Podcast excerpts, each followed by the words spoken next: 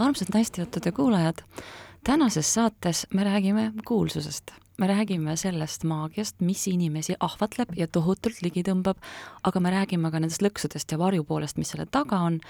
ja mul on külas üks ääretult koloriitne ja põnev külaline, tere, Ants Rootslane! tere! ja, ja kui me just istusime enne, mõtlesime, millest me tahaks rääkida, meil tuli naks, naks, naks, naks, ma ei tea, kümme teemat pähe mm. -hmm. ja siis mõtlesime, et alustame sellest, millest on väga nagu vale pilt jäänud. et sinul on endal isiklik kogemus, et sa oled väga hästi nagu, kuidas ma ütlen, vaadanud lahti, mis selle purgi sees on ja mis selle fassaadi taga on. et kuidas see juhtus, kuidas sa said niimoodi pju, ülekuulsaks tegelikult ma üleöö kuulsaks ju ei saanud, et see on, ma arvan, viie aasta töö tulemus.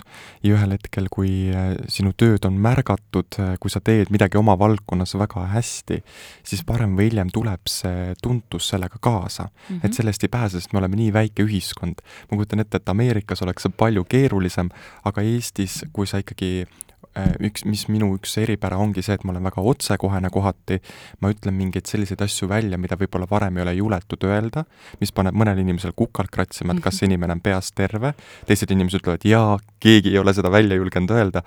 Ja, ja kui sa sõnastad asju võib-olla uues perspektiivis, mida varem ei ole nii sõnastatud, siis inimestel hakkab tekkima huvi ja kuna mu loomus on selline, mis ütleb otse asju välja ja, ja on äh, suhteliselt ka impulsiivne oma asjades ja mhm. kirglik, siis ma arvan, et see tuntus, noh, isegi kui ma oleks sellest põgenenud, oleks ta ikka mind kätte saanud ja ma olen põgenenud selle eest. sa oled põgenenud, miks sa oled põgenenud? sest kui ma alustasin oma teraapia nii-öelda siis kui karjääri, kui nii võib öelda, sest ma ei ole väga suur tegelikult karjerist enda jaoks. et ma olen lihtsalt tahtnud teha seda, mis mulle meeldib. aga, aga kui, kui ma alustasin, siis ma tõesti tahtsin, ma tahtsin oma valdkonnas ehk selles hüpnoosi valdkonnas saada nii-öelda tuntuks, aga mitte nii-öelda üleriigiliselt, vaid just valdkonnapõhiselt mm. -hmm. et inimesed teavad, et noh, see tüüp teeb seda ja seda just oma professionaalses kuningriigis olla kuningas. absoluutselt. ja ilmselt see oli ka noore poisi mingisugune egosoov. ja, ja ühel hetkel, kui see kätte oli jõudnud mm, -hmm. ähm, ma arvan, see kõige suurem tipphetk oli pärast raamatu ilmumist, siis läks minu jaoks asi natukene käest ära, sest kui ma lähen poodi ja mul seisab inimene kõrval, ütleb noh, teie ju valite ikka kõige kallima jäätise.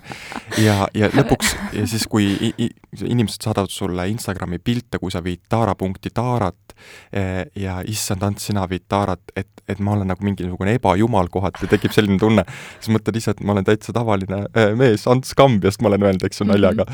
ja, ja siis tekkis nagu selline kuidas ma ütlen, irdumine natukene sellisest äh, sotsiaalsest elust, ehk ma ei viinud enam ühel päeval taarat ära äh, ma käisin öösiti Prismas, et keegi ei vaataks, mis mu seal korvis on või keegi ei tuleks mulle midagi ütlema äh,, et sest öösiti käivad äh, Prismas venelased miskipärast ja nemad ei tea mind. ja siis mul on palju mugavam nii-öelda käia. ehk siis mul tekkis teatav niisugune sotsiaalne nagu irdumine või ma ei nimetaks seda ärevuseks, sest ma tundsin ennast ebamugavalt, aga mul ei olnud ärevust otseselt. aga see ebamugavus tunne, äh, see on ju tegelikult asi, mis tuleb tuntusega väga kiirelt kaasa ja mida inimesed üldse ei oska ette näha. mina olen näinud ainult inimesi, noh, avaliku elu tegelase saatusest Eestisse, tõesti, sa satud sinna noh, nii, et sa enne, ennem kui sa aru saad mm,. Yeah. ja aga see on see asi, mis on, mis neid tavaliselt segab, et milles see siis väljendub või, või vaata, meil on väga palju, meil on väga palju avaliku elu tegelasi, kes tahavad äh, kuulsaks saada või on tahtnud kuulsaks selles mõttes saada. ja kindlasti aga... paljud, kes kuulavad, tahavad ka ja, ja, ja aga me peame mõistma seda, et mis see kuulsus siis Eestis mm, tähendab. aga mis ta üldse tähendab, kuidas sa seletad mm,? kuulsus äh, tähendab ikkagi seda, et sa oled kakskümmend neli seitse, ükskõik kuhu sa ka ei lähe, sa oled kellegi pilgu all mis tähendab seda, et äh, sinu nii-öelda äh, käitumine peab olema eetiline, sa ei, sa ei tohi eksida, muidu sa saad kohe peksa, sinu sõnad on kõik äh, nii-öelda suure tähelepanu all, mille tulemusena võib juhtuda see, et kui sa ütled midagi naljaga, sul võetakse midagi kontekstist välja mm -hmm. ja mhm. kujundatakse selle pealt siis sinu isiksust. et kui me arvame, et see on roosa manna kõik, mis sealt nii-öelda ka meediast tuleb, siis tegelikult nii ei ole, et meedia töötab väga palju ju ka intriigi ja sellise värvikate pealkirjade peale. mis tähendab ja. seda, et meedia tegelikult hakkab kujundama sinu isiksust ja nüüd ma mõtlesin, ma hoidsin väga pikalt seda joont, et äh, mina kasutan meediat enda käepikendusena, mitte meedia ei kasuta mind oma käepikendusena. aga kuida-, kuidas seda teha? ja äh, minul oli ka küsimus, kuidas seda teha, ehk siis ma ei andnud ennast äh, nii palju nii-öelda kätte ehk ma ei öelnud igale intervjuule jah, ma ei jooksnud igale poole, kus mind kutsuti ja, ja selle tulemusena siis hakkas tekkima mingisugune nii-öelda aukartus või, või selline, et ei, noh, kas Ants üldse tuleb, eks ju mm. -hmm. et siis, äh, et siis äh, see kvaliteet ka nende ajakirjanikega kohtumisel äh, läks paremaks, sest on olnud selliseid intervjuusid, kus ajakirjanik noh, ei tea mitte midagi, no ta teab, mis sa teed, eks, enam-vähem, aga ta ei tea sinust mitte midagi, tal, tal on kõik kodutöö tegemata. ja siis ma istun temaga ja siis ta küsib mult jälle neid samu küsimusi, mis on neli aastat tagasi juba küsitud või nelja aasta jooksul juba küsitud. ja, ja siis ma mõtlen, et päriselt et, et miks ma raiskan seda aega. ehk siis ma ei andnud ennast nii palju kätte, et ma otsustasin, et ma tõusen vaikselt, sest kui sa tõused vaikselt, siis seal on kuidagi sul hingamisruumi mm. -hmm. ehk siis vaata, kui sa oled kogu aeg pildis, kogu aeg millegiga figureerid, iga päev näiteks, et siis lõpuks inimestel saab äh, üleküllastus ma tooksin võib-olla näite siin, ma ei tea, kas see on eetiline või sobiv näide, aga kunagi ma mäletan mida, mida vähem sobivam, seda ja, rohkem ja, see mulle meeldib. ja ma mäletan, Keter Jaani oli kunagi hästi suur tõusev täht mm. ta oli, ma, nii kui sa teed meedia lahti, sul oli ainult Keter Jaani ja, ja mingil hetkel ma kujutan ette, et ta väsis ise ka sellest ära. ja siis ta sai lapse, eks ju, irdus vaikselt natukene nagu oma tegemist, ta tegutseb ikka edasi mm, -hmm. aga ta ei ole enam igapäevaselt, ta küpsetati natukene nagu selle tähelepanuga läbi. ja mul on vahel, ma olen Brigittele ka öelnud vahepeal, et kas ei ole seda ohtu, et ka sind kuidagi niimoodi, et sa oled iga päev nagu meedias, et iga päev millegiga figureerid, et ühel hetkel võib rahval tekkida lihtsalt äh, väsimus ja seda peab hästi tugevalt nii-öelda hoidma, et sa ei, et sa ei läheks selle liini peale, et sa ei kaoks sinna maailma ära, et ainult meedia kaudu ma püsin. sest väga paljud avaliku elu tegelased püsivad tänu sellele täpselt nii kaua, kuni on tähelepanu. et see on selline glamuurilõks ja tead, ma olen selle koha läbi teinud, et ükskord oli hetk, kus kolm kuud sust ei kirjutatud mitte midagi, aga ennem seda oli kirjutatud iga kuu. ja siis tekkis mingi veider tunne, et et kas ma olen nüüd siis tähtsusetu või, või kas ma olen kuidagi ära unustatud ja usu, usu mind, väga paljudel avaliku elu tegelastel on see kriis. sest kui sa korra saad selle tähelepanu siis enam ei anta seda küpsist kapist, siis tekib see tunne, et ma pean veel pingutama, pean ise midagi tegema, et sa ei kujuta ette, kui palju vihjeid saadetakse mm -hmm. meediamajadesse, et lihtsalt olla pildis. ja see on nüüd prostit-. näeme neid vihjeid. ja, et see on siis prostitutsioon minu jaoks. ehk siis ma nimetan neid inimesi meediaprostituutideks nagu selles mõttes, et äh, nad teevad kõik selleks, et saada see tähelepanu. Aga nad ei saa aru, mis selle taga tegelikult on. et, et selle taga on tegelikult see armastuse otsimine, see tähelepanu otsimine, mis sul kunagi jäi puudu ehk siis minu jaoks väga paljud avaliku elu tegelased täna kompenseerivad seda puudujääki, mis neil lapsena jäi saamata.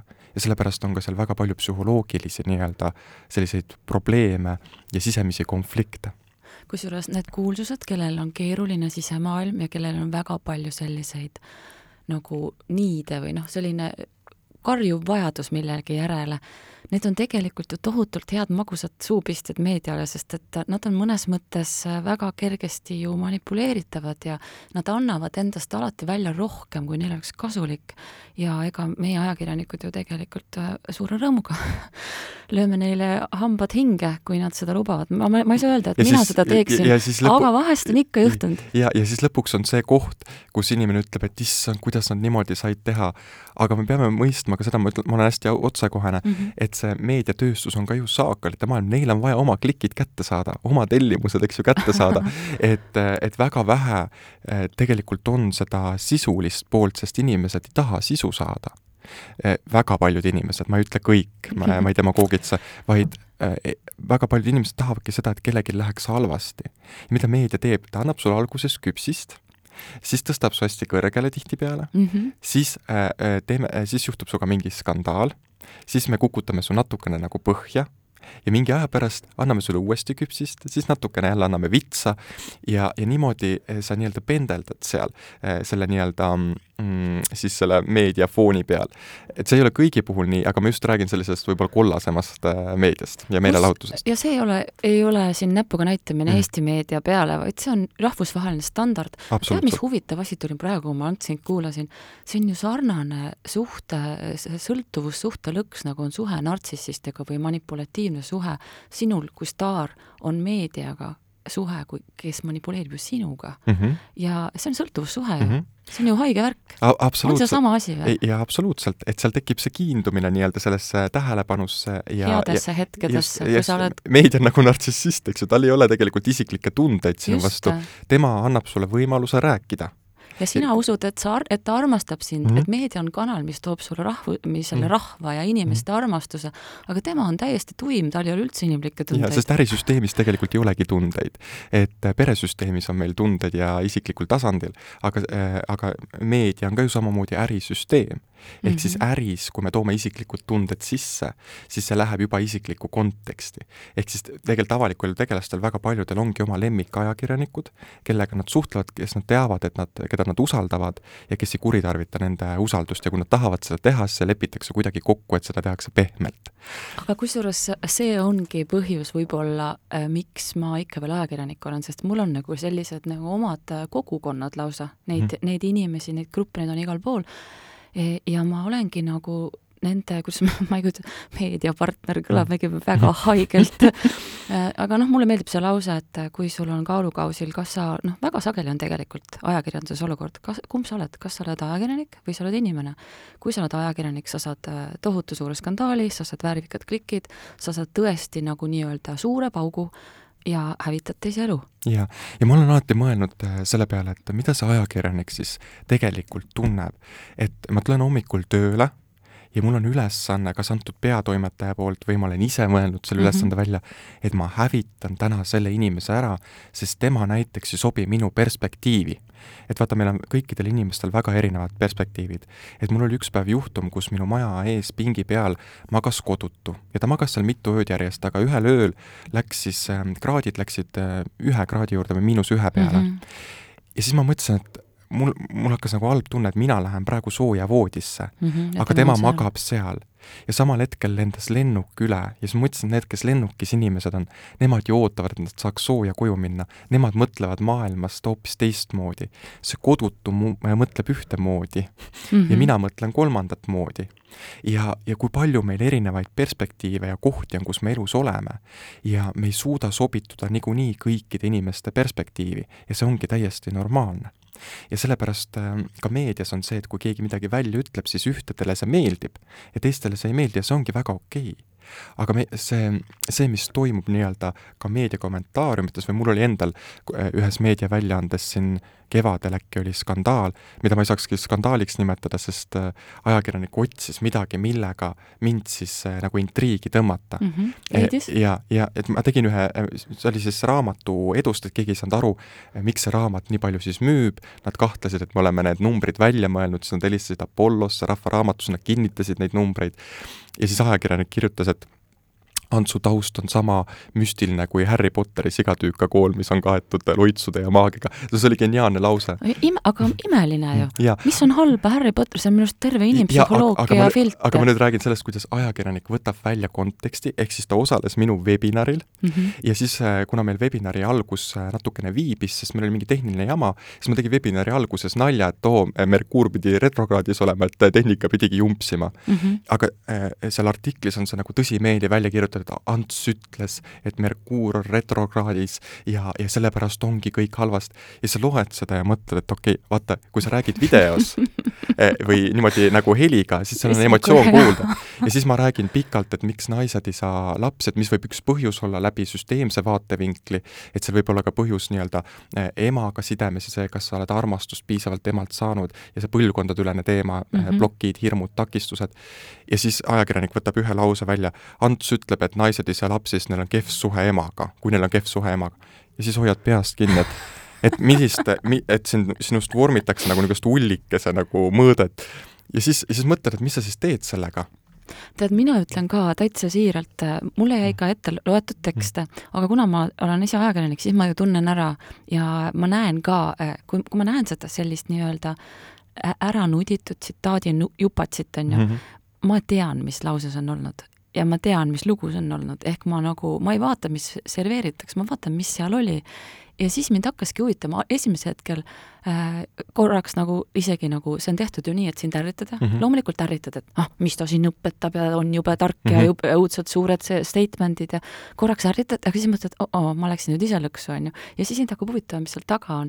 ja minu meelest on tegelikult palju lahedam viis on kuulata just podcast'e sinuga, sest neid me ju ei editeeri ja me ei võta siin mingisuguseid mõtteid välja. absoluutselt, et, et kuna ma olen ka natukene nagu napakas, vaata, selles mõttes, et ma näen võib-olla maailma pisut teisiti, et ma olen lapsest saadik maailma tajunud, tajunud teisiti ja ma näen võib-olla rohkem kui tavainimene, aga äh, ma olen enda jaoks nagu eetilise piiri sinna tõmmanud, et kui tuua näiteks selgelt nägemine, mida justkui mulle palju äh, külge nagu ploog-, poogitakse, et oma töös ma seda praktiliselt ju ei kasuta, et ma ei küsi kunagi selliste esoteerilise töö eest, kui ma teen inimesega, ma ei ole kunagi raha küsinud et see, mis ma teen teraapiaruumis, see on ju teraapia mm. -hmm. ja selgelt nägemine teine. ehk selgelt nägemine, kui, kui on mingi juhtum, näiteks mul on neid juhtumeid küll, kus äh, noh, kodus toimuvadki väga kummalised asjad, sest kunagi on juhtunud midagi äh, selle kohaga ja siis ma lähen seda lugu lahendama, aga see on lihtsalt isiklikust põnevusest, ma kunagi ei reklaami seda ja kui inimene seal tahab mulle tasu maksta, siis loomulikult ma võtan selle vastu, sest see on minu aeg.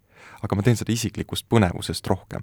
et ma arvan, et minu jaoks on see eetiline piir väga selgelt nagu äh, raamistatud, et ma äh, oma teraapiaruumi ikkagi sellist ähm, esoteerikat toon võimalikult vähe. aga eh, miks?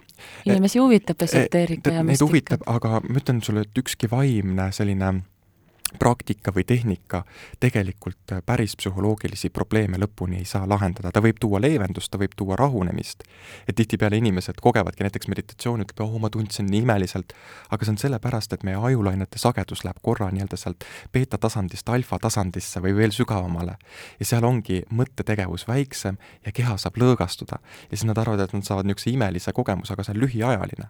käivad kui... lihtsalt ära probleemi juurest, probleem istub seal ja teritab hambaid, on ju. aga meie probleem probleem on, põhiline probleem inimestel on ikkagi ju meele areng, et see, kuidas minu meel on välja arenenud. Ja see esimene seitsmes kuni, kuni üheksas eluaasta on ikkagi niivõrd oluline lapse jaoks kust tulevad meie baastunded, mis on ka tihti avaliku elu tegelastel, eks ju ähm,, katkiseks jäänud, et kas ma olen piisavalt saanud seda ema armastust, kas ema on lubanud mul liikuda ja kas mul on olnud isa, kelle juurde liikuda.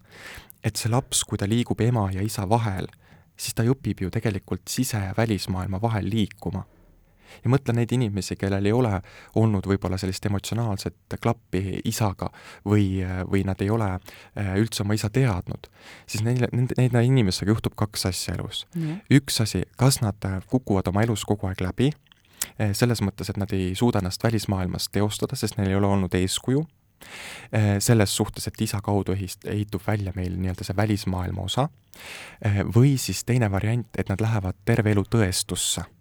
ehk siis ma tõestan, et ma jõuan hästi kaugele oma elus ja ma tõestan kogu aeg sisimas oma isale, vaata kui vinge poeg või tütar ma olen, kas sa nüüd märkad mind? ja need on inimesed, kes mitte kunagi ei tunne oma tööst lõpuni rahulolu et nende jaoks pole mitte kunagi piisav see, mida nad teevad ja neil on kogu aeg see anum pooltühi, et nad peavad midagi veel, veel, veel, veel saama ja kui me mõtleme ennem selle avaliku elu tegelase jutu peale, et kui me satume nagu sõl-, suhte sõltuvusse meediaga mm, -hmm. et siis seal on täpselt sama asi. ehk siis ma tahan meedia kaudu saada seda osa kätte, mida ma emalt-isalt ei saanud. ja sa saad, vot see on täpselt sama, mis meditatsioon, sa saad mm. küll selle imetluse, sa saad selle aplausi mm., liialdused, vaata, me-, meedia kontrastide põhine mm, -hmm. sind tõstetakse, kui sa oled midagi väärt, tõstetakse sind natuke veel, et see kukutamine oleks ka mm. mahlakam mm. -hmm. aga aga kui sa nüüd räägid, see, ma, ma tundsin kohe mitu inimest ära, vaata mm., ma arvan, et see tõestamise värk aamen, ma olen ise niisugust asja teinud, ma ei tea, kas ma siiani sellest ja, üle olen. ja mingis mõttes, kui me räägime, tõestama ei pea, siis see ei vasta tõele. Mm. -hmm. vaata, mina oma töös ka ju oma töö kaudu olen pidanud noh, inimestele tõestama, et minu metoodikad ja minu see lähenemine töötab et muidu sa ei saaks viis aastat püsida nii-öelda sisuliselt tipus. et sul ei saaks olla kaks aastat teraapia järjekord, kui sa ei ole ennast tõestanud. et kui sul ei ole positiivseid nii-öelda edulugusid seal taga. suust et, sugu, suust suhu lood on tohutult võimsad. ja mis on väga huvitav, ma olen jälginud nüüd, et kui mm, ka niisugune välismaa nii-öelda siis staar, staartervendajate osas, et meil siin Eestis on ka selgeltnägijate saateid tehtud, sealt on tulnud ka mingeid selliseid välismaa tegijaid, et siis ma olen avastanud sellist asja, et kui inimene saab selle selle ähm, nii-öelda tähelepanu kätte, siis tihtipeale need tegijad lähevad nii-öelda ülbeks. ehk siis sa lähed küll tema juurde, noh, heal juhul ta ütleb sulle paar head sõna, küsib sult suure summa raha või siis valetab sulle, et sul on needus peal, et sa pead kolme tuhande eest seda maha võtma, see oli väga suur probleem vahepeal, eelmine suvi. ja, ja siis need inimesed lähevad nii-öelda ülbeks ja lõpuks nad tegelikult hävitavad sellega iseennast, sest lõpuks see jutt läheb ju laiali. et kuule, see inimene võtab lihtsalt suurt raha, ütleb võib-olla, et mul on needus peal, aga varem ei olnud, ja küsid inimese käest, kas sul on midagi elus nagu konkreetselt nagu pahasti, no suhted ei püsi, no siis peab teraapiat tegema, eks. et, et meil oli vahepeal see koht, kus lihtsalt küsiti tuhandeid eurosid, kõigil oli needus peal, siis ma ütlesin ühele inimesele ka, et aga tead, kui sa lähed praegu, maksad selle tuhat eurot selle needuse mahavõtmisest, siis ära tule minu juurde väiksema summaga. et kui sa oled nii loll, siis miks mina pean vähema tasuga sinuga töötama? et ja see, see pani selles inimeses nagu midagi nagu äh, klõpsuna nagu paika. ja, ja tuli parem teraapiasse, me tegime temaga saja kaheksakümne euro eest ta korda ja tal oligi ainult ühte sessiooni vaja, tal ei olnudki rohkem vaja, needust ei olnud kahjuks. aga noh, vot see ongi, see ongi see hämar koht, et selles maailmas, kuna vaata, meil on, eks ju, psühhiaatri järjekorrad mm. on tohutu pikad ja vaimse tervise siis neid nii-öelda ravijaid, neid ju ei jätku mm, -hmm. aga mhm. probleeme on hästi palju, siis turul on tulnud igasugust pakkumist, on ju. tead, see on nii huvitav, et kui mina alustasin, ma olin kahekümneaastane mm, -hmm. täiesti ebanormaalne, ma ütlen ausalt, et noh, napakas, et aga mul inimesed ise küsisid, ise tahtsid tulla. aga ma ei tea, tead, vahel mina ütlen, äh, see vanad ja noored, nende vahel on selline, kes on parem mäng, aga mõlemal on omad plussid ja selline äh, puhas energia tohutu vool, mis on noortel inimestel, seda ei, seda peab ka kasutama, ma olen väga selle poolt. aga ma mõtlen ikkagi seda vastutuse mõõdet, et ma tegin selle ukse lahti, et ma olin Eesti noorim terapeut sellel hetkel, ma ei teadnud ühtegi teist äh, nii noort terapeuti. mina ka ei tea ja, ja, ja nüüd, kui ma vaatan turule, siis mm, mingi hetk hakkas tulema turule tohutult palju noori. aga üks viga on nüüd see, vaata minule on kogu aeg poogitud seda külge, et Ant, sul ei ole haridust ja ta ei ole midagi õppinud. ma olen äh, põhimõtteliselt kuus aastat õppinud, noh, nii hüpnoosi, NLP-d Oxfordi fundamentaalülikooli all, konstellatsiooni, meelearengu teooriat, noh, see pakett on oluline mm. -hmm. aga ma ei ole tõesti käinud ülikoolis mm. -hmm. aga kui ma vaatan tänaseid noori, kes tulevad turule, nad on, mulle tundub, et nad on nagu aasta turul olnud vaevalt, nad juba hakkavad kas mingit raamatut korral- äh,. eluloo raamat. eluloo raamat, nad hakkavad koolitusi tegema lapsekene, sa ei ole veel midagi teinudki, et mina, mina valmistasin kolm aastat ennast ette, et üldse seminare teha et mul oleks kogemuste pagas, et ma saaks aru, millest ma räägin. et, et lihtsalt see läheb nagu, mulle tundub vahel, et see läheb ka väga palju äri tegemiseks ja ei saa salata, et ka ju minu jaoks on see äritegevus, ma pean maksma makse ja kõike muud sinna. aga ma olen tahtnud alati hoida selle selles faasis, et ma ei ole kunagi mingit finantsplaani või prognoosi teinud, et isegi kui ma suuri asju teen, et ma tean seda, et kui ma teen midagi, mis mulle meeldib, et siis ma teenin piisavalt ja ma saan ka piisavalt selle eest asju teha Mm -hmm. mul on kuidagi see olnud, et ma ei tea, kuidas ma sinna jõudsin, et kõik raha, mis ma teenin, ma kuidagi panen selle järgmisesse asja, et kõik rääkisid, arvutasid siin äh, Facebooki gruppides, et oo, Ants teenis sellise summa oma raamatuga. aga ma panin selle summa ju äh, nii-öelda teraapia äppi, mille ma lõin.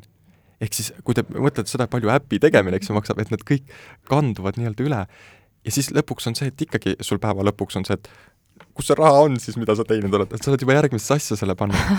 ja, ja minu mis on väga normaalne ja... ju, ongi selline loomingulise ärimehe vaade, et sa tahadki midagi luua, mitte eeskätt teenida. jah, sest ma ei ole kunagi selline olnud, et mul peab nüüd kaaviar ja šampanja olema, seda on ka olnud. aga, aga ma... mis tal viga on, kaaviar ja šampanja? jaa, et mul, mul ei ole midagi hullu, kui, kui seda ei ole.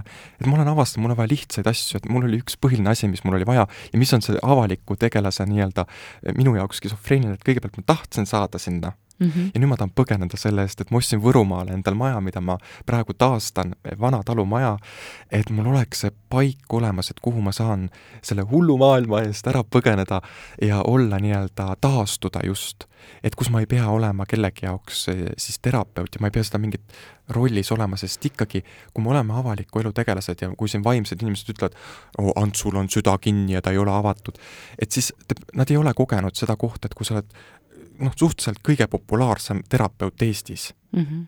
siis sa ei saa hoida ennast avali sada protsenti. Need inimesed tapavad su lihtsalt ära. ja mul tekkis tohutu suur, ma oma sõpru olen natukene nagu sellega karistanud, et et mingil hetkel, kui mul tuli väga suur tähelepanu, siis ma sain kolmsada kirja kuskil päevas sotsiaalmeediakanalites, Instagrami, Facebooki, ja need inimesed ütlesid mulle hästi ilusti.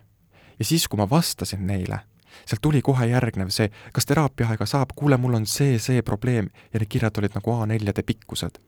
ja lõpuks tekkiski see tunne, et okei okay,, sa ütled mulle hästi, aga sa kohe tahad nagu kõik vastu saada mm. -hmm. ja siis mul tekkis nagu mingisugune kaitse, alateadlik või plokk, mille ma alles nüüd avastasin, kui mu sõber ütles mulle, pani käe põlve peale, ütles, et Ants, Ants, aitäh, et sa oled olemas. ja saad aru, mul hakkas nii vastik olla, mul tekkis selline tunne, ma tahan ära põgeneda ja ma mõtlesin, miks see nii on ja vaata, mu sõber ei solvu, et ma ütlesin, et tead, mul oli siin seda nii vastik kuulata praegu, et ma ütlesin ausalt välja. ja siis ta ütles, nagu ehmatas korra ära, aga jäi nagu sellesse faasi ja, ja siis oligi see, et mul, ta lasi mul olla, ta ütles veel, aitäh, et sa oled olemas.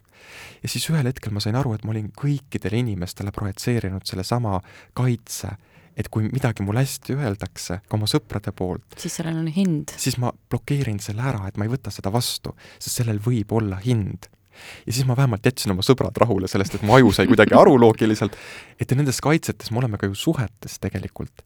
et samamoodi inimesed küsivad, miks mul ei õnnestu suhteid luua.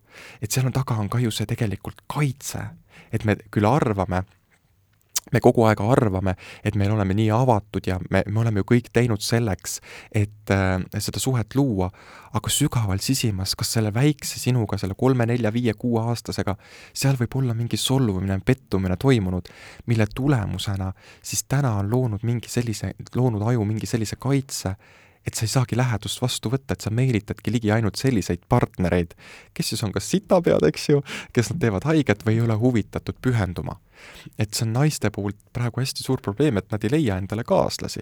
aga mehed on ju samasugused, et see ongi see hirm haiget saada ja sellepärast ma eelistan kedagi, keda sa kunagi lähedale ja, ei saa. ja, ja sellepärast peetakse selliseid pinnapealseid suhteid, et tihtipeale seksuaalsuhteid ainult, et me olemegi voodipartnerid, aga meil mingit sügavamat sisu nii-öelda ei ole. et ja, ja nüüd see ongi see ühiskonna düsfunktsionaalsus, ehk meil ei ole arenenud välja seda emotsionaalset lähedust. see ühiskonna nii-öelda Ähm, peremudel on kuidagi kujunenud väga selliseks majanduslikuks ja ainult toimetulekumehhanismiks, kus pinge on väga suur ja kus emotsionaalset sellist jagamist ei ole olnud, et võib-olla see tuleb ka nõukogude ajast, et kus inimesed ei väljendanud nii palju tundeid ja emotsioone ja ei, ja surusid rohkem nii-öelda alla. ja kui te küsite, miks praegu noored on teistsugused, miks nad on lumehelbekesed, siis nemad ei suru enam alla me elame vabas ühiskonnas ja teiselt poolt eh, meil on eh, nii palju lihtsustatud viise, kuidas olla püünel või kuidas eh, teenida raha, et noori ei huvita enam see raske töö tegemine ja mõnes mõttes loob see võimaluse siis robotite pealetulekuks ja ühiskonna nagu äh, totaalseks muutuseks. et äh, ühis-, me oleme saavutanud minu meelest evolutsioonilise tipptaseme inimesena ja meie aju ei tule sellega veel toime kõiki selle nutiajastuga, kõikide nende ühiskonna teemadega, mis parasjagu on, et me, äh, kui varem oli katk, siis tuli sõda ja nii, nii edasi mm, -hmm. siis praegu meil on kõik korraga koroona, sõda, kõik nii-öelda järjest. jah, just et, üks sõber kirjutas mulle, kuidas ta sai jälle positiivse testi ja ei saa mulle külla tulla. jaa, et, et see ühiskond on nii ähm, nii-öelda, mul on tunde, tunne, et ühiskond on nagu kaotanud või inimene on kaotanud iseendaga nagu kontakti. et ta on kuskile sinna lisareaalsusesse, kui nii võib väita, nagu sotsiaalmeediasse, nii-öelda kuvanditesse, äh, see minapilt on nii ära kadunud, ehk siis inimesed mõnikord paaniliselt hakkavadki otsima, kes see mina siis tegelikult on. Ja, ja, ja kus ma selle siis üles leian. ja siis minnakse sellele rännakule, käiakse need tantrad, äh, kõik meditatsioonid, igast asjad läbi ja lõpuks see teekond ei olegi nii väga oluline, mis sa sealt infona saad, vaid et sa saad aru, et sa saad nii suure üleküllastuse sellest vaimsest maailmast, et sul lõpuks jääb muud üle, kui hakata iseennast usaldama. Kusjuures äh, üsna hea skeem, ma ütleksin, et kui sa tahad, et vahet ei ole, millist metoodikat sa kasutad, et oma juhtmed kokku ajada, kui see viib välja sinna, et ma kuulan enda südame häält, siis on ju hästi tegelikult. siis ei ole hullu. minu soovitus ka, et ärge vaimustuge nii kiiresti, et ma olen alati öelnud, et kahelge alati minus. et ma võin igast asjast rääkida kümnel erineval viisil, aga sellepärast, et inimesed hakkaksid ise mõtlema. ja vahel ma testin seda, ma olen suurtel webinaridel testinud. ma vaatan jah, sa viskad sellised meelega selliseid okkalisi lauseid, et davai, haagi nüüd. just, ja ma olen webinaridel ka öelnud mingeid väga räigeid asju või selliseid noh, mis ei ole tavaühiskonna moraalikoodeksist nagu kohane. ma tahan näha, kas inimesed nagu mõtlevad oma peaga. ärka üles. ärka ülesse aga tihtipeale on see, et nad noogutavad kaasa, mõtlevad, mis teiega toimub. siis ütled hullema, ma olen ka vaadanud. ja, ja, ja siis, ja siis tekib küsimus, et kas, kas ma pean siis äh, rääkima seda, et, et mis nagu oleks ainult eetiline ja normaalne, või ma peaks neid ikkagi raputama. ja ma olen ikkagi jäänud endale kindlaks, et minu olemus on selline, kes tahab öelda otse ja ma ei taha öelda kõigile, minu ülesanne on inspireerida, ma ei viibuta näpuga, et nii, sa pead nüüd elama niimoodi. et ma ei lähe avalikule tegevusele ütlema, nii ära nüüd ole meediaprostituut. jäta see mees maha, jäta see naine maha. terapeudil ei ole üldse õigust öelda, et jäta mees maha, ta peab äh, inimesed viima sinnamaani, kus inimesed saaksid ise otsuseni jõuda, et nad ei sobi kokku või nad sobivad kokku. terapeut on vahelüli, kui on vägivaldne suhe, siis peab sekkuma. et, äh, et aga niisugune klassikalises konfliktis, terapeudi ülesanne ongi ju konflikti näha kui arenguvõimalust ja saavutada partnerlussuhtes uus areng vaata, kuidas me hüppame teemalt teemale, aga need on kõik seotud äh, aga sellest ei ole midagi, sellepärast et äh, kes siin seda podcast'i mm. teeb? meie, nii et kui keegi arvab, et me lainetame liiga paljudes eksistentsiaalsetes mm. teemades, siis jah, teeme küll, aga tahame ja teeme. Äh, mina arvan, et need on tegelikult omavahel siiski seotud, sellepärast et kui me rääkisime kogu sellest meediaprostitutsioonist mm., siis on sellega ju seotud ka need sisemised kahtlused ja see identiteedikriis. Ja mulle hästi meeldis tegelikult, et sa läksid sellesse sotsiaalmeediasse, sest see on selline koht, kus me saame väga kergesti luua pildi endast ja me, ja me loome selle nagu lähtuvalt sellest, mida me usume, mis teistele rohkem meeldib, mis on nagu sotsiaalselt populaarsem, kuidas olla aktsepteeritavam ja siis nagu väga kergesti mõjutame seda aga vaata, sina tead, mis on selle asja hind, et kui me tekitan näiteks Instagrami kirjut-, tekitan sinna mingisuguse, sul on ka väga ilus Instagram et mm -hmm, jaa, kas sa kunagi mm. kahtled ka selles, et kuigi sa oled päris sama näguga aus olla? et selles mõttes, et ma ei kasuta, noh, nii palju kui fotograafid nii-öelda on teinud seda fototöötlust, ma ei Facetune'i ei tee ja Facetune'i, mul ei ole mingeid selliseid äppe. et minu arvates minu sõna on nagu olnud see ja võib-olla need nõuanded, mis Instagramis olen andnud, et on see, mis on inimesi kõnetanud et kui ma vaatan mõnikord inimeste Instagrami eh, nagu neid pilte eh,, ma vaatan sellele inimesele otsa seal, vaata, kui ma tajun seda inimest, siis ma saan ju aru, mis seal nagu taga on. ja mida ilusama näo sa üritad seal teha, see on sageli nii, seda õudsam on seal tagasisu ja mõnikord mul on hästi suur tundlikkus kehal mm -hmm. ja mõnikord, kui ma kuulen kedagi rääkimas või vaatan Instagrami pilte, siis mul läheb süda pahaks. aga miks? Sellepärast, et ma olen öelnud sellise termini välja nagu inimrämps, ehk siis mm, nendel inimeste sees on nii palju lahendamata teemasid, et see anum on niivõrd prügitäis ja nad ikkagi ja vaata, jagavad ja, seda. ja nad on selles lõksus ise sees ja tegelikult oma selle nii-öelda kuvandiga nad meelitavad ju inimesi veel rohkem nagu lõksu, sest nad loovad seda eeskuju endast mm -hmm. ja mhm. teised tahavad samamoodi siis olla. sest neile et, tundub see ju ilus ja atraktiivne. absoluutselt. ja siis mõnikord ma tulen ja löön, ma olen sellise termini välja öelnud, et ma löön nagu kirvega pähe ja ma ütlen nagu otse midagi välja ja siis see lammutab nagu selle fassaadi ära, kuhu inimesed on siis nii-öelda lõksu natukene nagu jäänud et neil on nagu jalgealune nagu mõraseks löönud, nad peavad ise mõtlema hakkama, ise vundamenti ehitama hakkama. vahel hakkavad, vahel ei hakka. aga hea, kui mõni hakkab, et isegi noh, mis mulle veel tegelikult, ma lihtsalt, see tegelikult ei lähe päris teemasse, aga ma põikan ikka sisse, muidu mul läheb meelest öelda. mulle tegelikult, mis mulle nagu sinu puhul sümpaatne on see, et sa ei taha inimesi kaaperdada ega neid siduda endaga või panna neid oma toitumisahelasse. seda teevad väga paljud nii, nii niisugused kliinilise taustaga mm. terapeudid kui alternatiivsed terapeudid, et umbes jää mulle, tsükkel on selline, iga kuu käi, nad tahavad Vaat, nagu lihtsalt aga, hakata ei, elama ei, selle jaa, peal. aga ei, siin ei tohi ka nii-öelda segamini ajada, et väga paljudel inimestel ongi tsüklilist teraapiat vaja mm. -hmm. ehk siis näiteks mina ei ole väga hea käehoidja, ma olen seda alati klientidele öelnud, et ma töötan kolm-neli korda ja tavaliselt mm -hmm. inimene saab selle äh, nii-öelda ajaga korda ühe-kahe sessiooniga mm. -hmm. kui on nüüd äh, tõesti, ma näen, et inimesel on tegelikult isiksushäire nii-öelda sümptomid, siis ma esiteks saadan ta psühhiaatri juurde ja pikaajalisse teraapiasse, sest neil on vaja kellelegi peale toetuda, et nende meel püsiks. ühesõnaga, teraapia peabki kaua kestma? Eh, mitte, mitte, ei, ei, mitte kõik teraapiad, aga kui inimesel on ikkagi selline isiksuse häire või mingi selline sümptomaatika, mis ei ole kiiresti ajus muutuv, et siis nendel inimestel on vaja, näiteks trauma puhul ka, traumateraapia võibki kesta pikalt, et toimuks põhjalik nii-öelda tervenemine. aga on turul siiski see, et äh, väga palju seotakse inimesi ära lihtsate teemadega. ehk siis me räägime mingitest äh, peresuhetest, käi nüüd kaks aastat ja need inimesed tulevad siis seansile, tead, ma olen kaks aastat juba käinud seal pereterapeudi või psühholoogi juures, ta räägib mulle juba ilmast et mis, kas täna vihma sadas või sa-, sadanud, sajanud jah, et siis, äh, siis, siis, siis inimestel tekib küsimus, miks ma seda raha nagu viin. ja siis nad tulevad äh, seansile ja saavad selle loo ühe-kahe korraga korda. ja siis tekib mul küsimus, et kes siis pettur on või kes siis seda toiduahelat tahab hoida. et mina ju tekitasin ka praegu toiduahela näiteks äpiga Mm -hmm. aga see on inimese vaba valik, et ma pean sinna looma, mul on vastutus, ma pean looma piisavalt sisu sinna et inimene ütleks, et ta tahab selle eest välja käia selle summa kuus, sest see on teda toetanud arengus.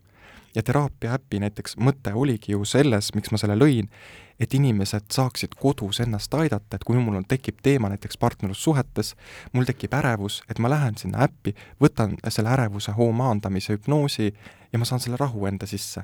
ma vaatan, mida Ants räägib selle süsteemiteooria kohta, selle partnerlussuhtest, et äkki mul tekivad need puslejupid sealt.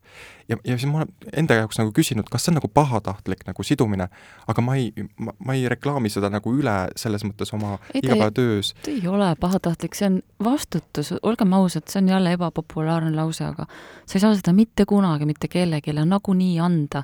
ükski terapeut ei ole sinu päästeingel või sinu ema Just. ja me otsime tegelikult sageli seda ema või isa, kes võtaks vastutuse kõige üle. kõige ohtlikum koht on see, kui terapeudist saab sinu ema või isa figuur.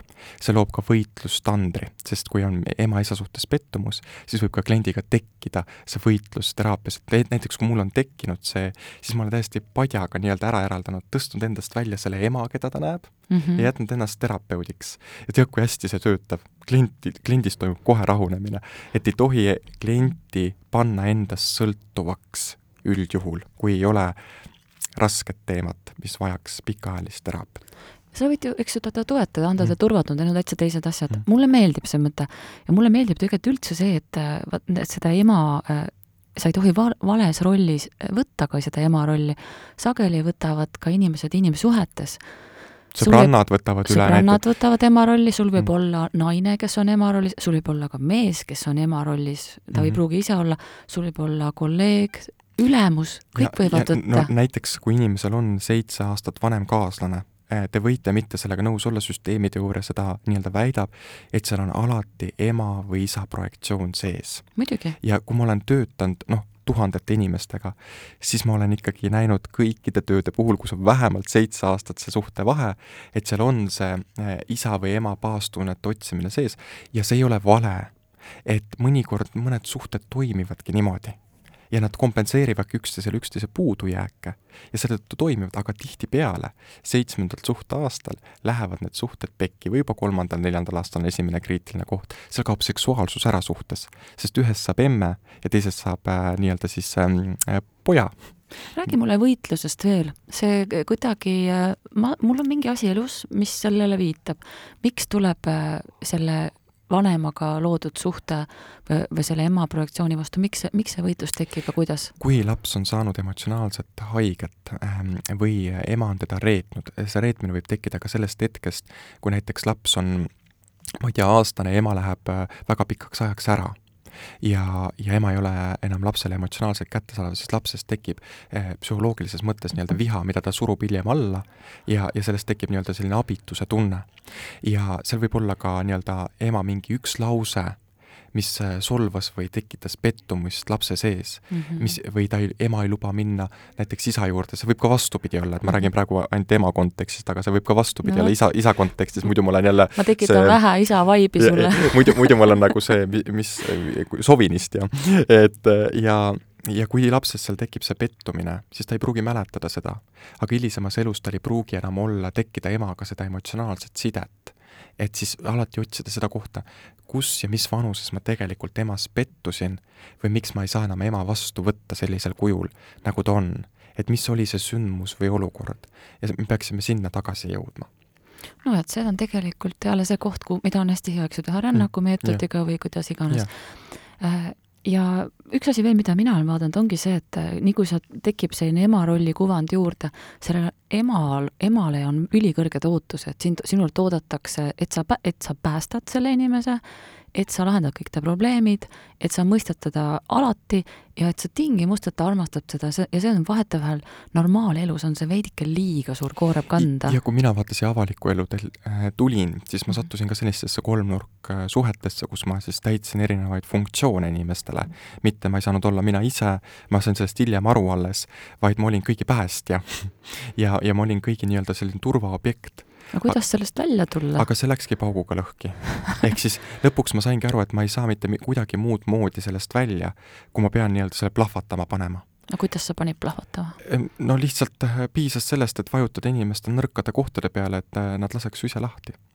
ja siis mingi aja pärast nad tulevad ringiga tagasi, sest nad saavad aru, et see ei ole normaalne, et ühele inimesele sellise nii-öelda vastutuse mõõtme nagu panite ja et noh, sõnumitooja ju jääb alati süüdi, et ma olen alati selline inimene olnud, kes toob inimeste varjud nähtavaks.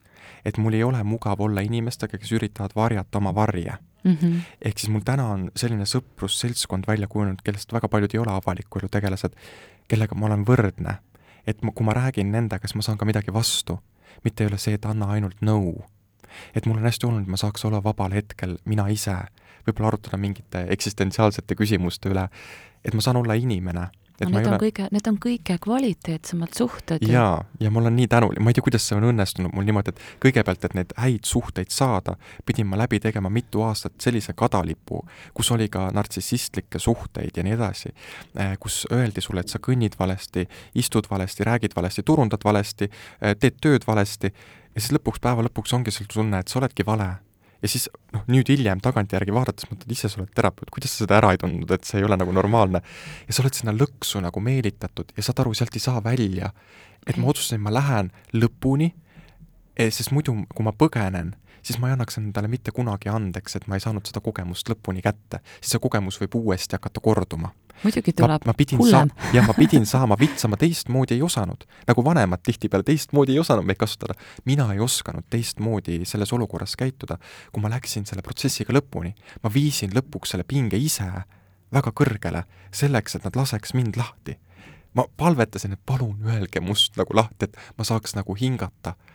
Sest see lõppes kõik minu jaoks ju äh, haiglas äh,, kus äh, arstid ütlesid, et mul on äh, psühholoogilise šoki tagajärjel geenikahjustus, mis on mu suguvõsas nii-öelda sees, aga mul ta avaldus siis sellel hetkel ja ma kõõlusin nii-öelda elu ja surma piiril.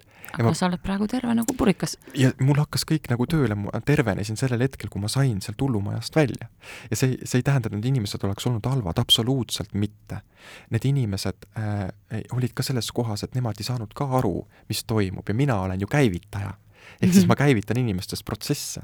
aga siis, kui need, nad olid käivitatud, siis nad suunasid selle kõik minu peale et võib-olla ma olen liiga ego selle koha pealt, nüüd mina ja ma, aga ei, see nii oli, sest ma olin lõpuks kõiges süüdi ja ma ise, mu enda sõbrad, kes mul on väga pikalt olnud, ütlesid, et Ants, me ei, me ei, me ei saa aru, kuidas sina sellistesse süüdi oled. sa ei ole ju selline. ma ütlesin, ma saan aru, aga ma juba ise tunnen, et ma olen. just, aga vaata, see ongi selle asja hind, inimesed panevad sulle oma ootused, oma vastutuse ja siis nad, nemad näevad ja seda ja sina ja näed tead, seda tea,. teatava pinge olukorraga mulle, mul on tunne, lihtsalt oma kogemusest rääkides, et meie meel teeb nagu sellise tagasiarengu.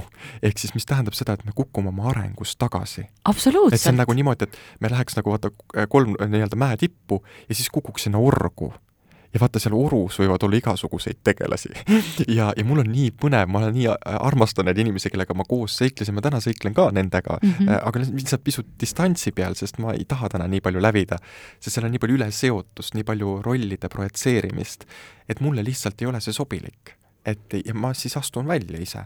et aga see ei tähenda, et mul oleks mingi konflikt või tüli, nüüd ma peaks seda viha enda sees hästi pikalt, ei, ma saan ju aru terapeudina, mis inimestega toimub, ma suudan selles mõttes nagu äh, andestada, kui on, aga ma jätan meelde mm. -hmm. ja ma tean, mis on inimese dünaamikad, ma näen kohe, kui need dünaamikad on muutunud ja kui ma näen, et ta teeb teiste inimestega täpselt sedasama, mida ta tegi minuga, siis ma näen, et ära tule, ära tule palun ja, ja hoia eemal.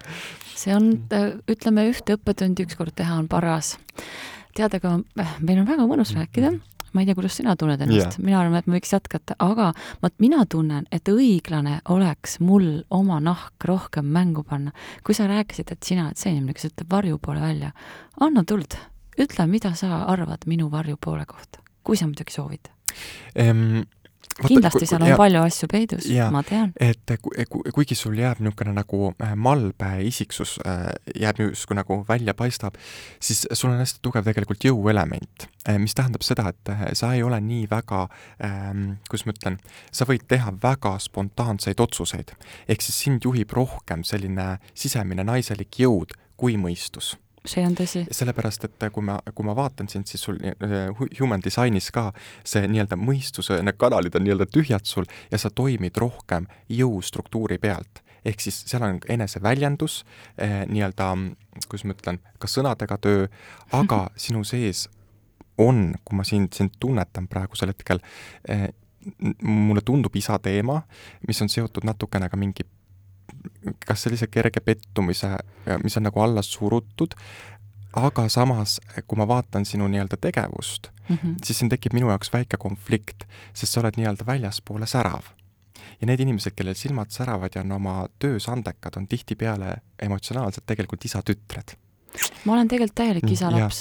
et aga mul mis... on, aga mul on ema teema. jah, aga mis on seal, mis on emal ja isal omavahel juhtunud, ehk siis sul on mingisugune osa, ma jään selle juurde, ma, ma ei ole kunagi eksinud nendes teemades, et kas ma olen võtnud midagi emalt enda peale, mida ma äh, tunnen alateadlikult isa suhtes, mida ma otse talle, tema suhtes ei pruugigi tunda, mis võib väljenduda minu mehe partneriga suhtes või meestega suhtes. ka õige. jaa, ehk mhm. siis äh, kui me vaatame seda, et tegelikult äh, Eh, sul on küll isaga täna hea klapp, aga sa kannad midagi oma ema eest.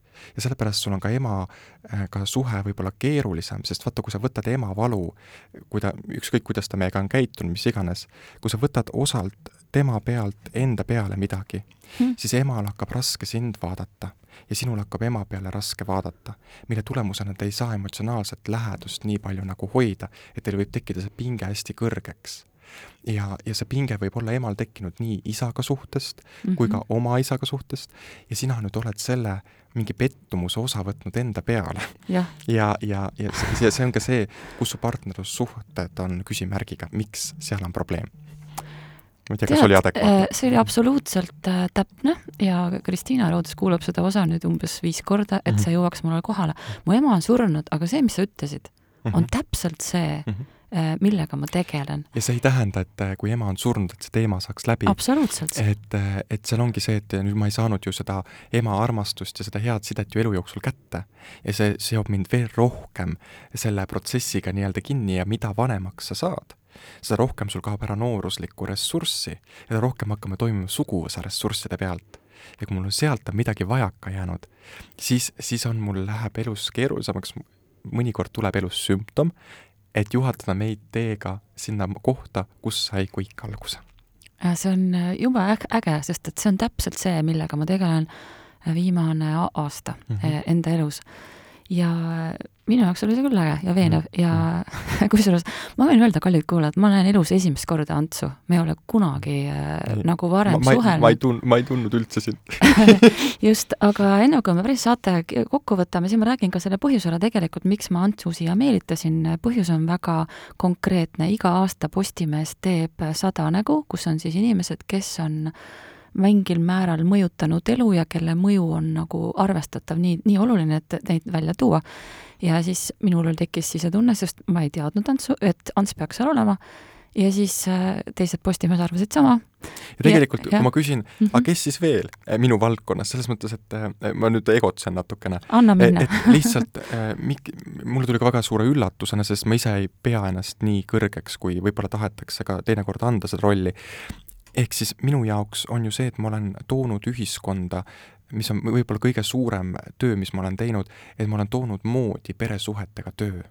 uuesti selles suhtes, et inimesed nüüd otsivad seda perekonna mustritest või ema-isa kaudu seda, mis nendega siis juhtus. et see, see on nii pereteraap-, äh, teraapia nii-öelda populariseerimine kui ka konstellatsiooni ja süüd, süsteemse vaatevinkli propageerimine, et äh, ja see on andnud inimestele mingisuguse täiesti uue arengulise hüppe või liikumise suuna, et nad ei peagi vaimselt lolliks minema, vaid nad saavad täiesti maiste asjadega tegeleda. et, et, et see ongi minu võib-olla selline töövili olnud, et ma olen teinud seda küll värvikalt, aga keegi ei oleks mind kuulanud, kui ma ei oleks otse lajatanud ja midagi ebatsensuurset öelnud ehk siis minu töövili, ma arvan, praeguseks hetkeks on olnud peresuhete nii-öelda olulisuse näitamine.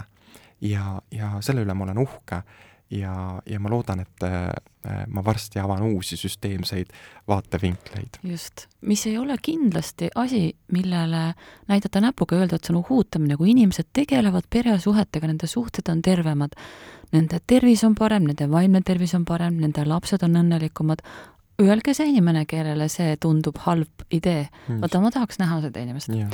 et ühesõnaga jah, see oli see motiiv, et äh, mina ei saa kirjutada inimesest lugu, kui ma ei tea, kes ta on, sest mul on tarvis nagu ikkagi inimest nagu nii-öelda lasta läbi oma süsteemi, et, et teda mõista. ehk siis lisaks sellele saatele te saate varsti Antsust lugeda ka saja näo hulgas. ja mis sa tahaks lõpetuseks öelda? Ma tahaks lõpetuseks öelda, et vaatamata sellele, mis toimub äh, ühiskonnas, et äh, leidke see viis, kuidas teie saate endas sisemises äh, nii-öelda rahus olla, et teil on see rahukoht enda sees olemas. kõik metsa. et tehke, tehke kõik selleks, et teil oleks rohkem ühendust loodusliku poolega. et see aitab meid nii-öelda tasakaalustada, et kas või kolmkümmend minutit kõndimist looduses parandab meie kognitiivseid võimeid märgatavalt. et see on teadusuuringute põhjal. et leidke seda kohta, kus te saate olla rahul, rahulikult ja kus teil on turvaline, et ei pea kogu aeg võitlema ja ärge siduge ennast üle inimestega, et ärge otsige nendes inimestes neid rolle, kus neid ei ole. ehk siis e, oma, vaadake oma ema-isa peale otsa, jätke oma sõbrad ja sõbrannad rahule ja kui te tahate saada kuulsaks, siis mõelge ennem sada korda, kas te olete valmis ohverdama oma privaatsuse.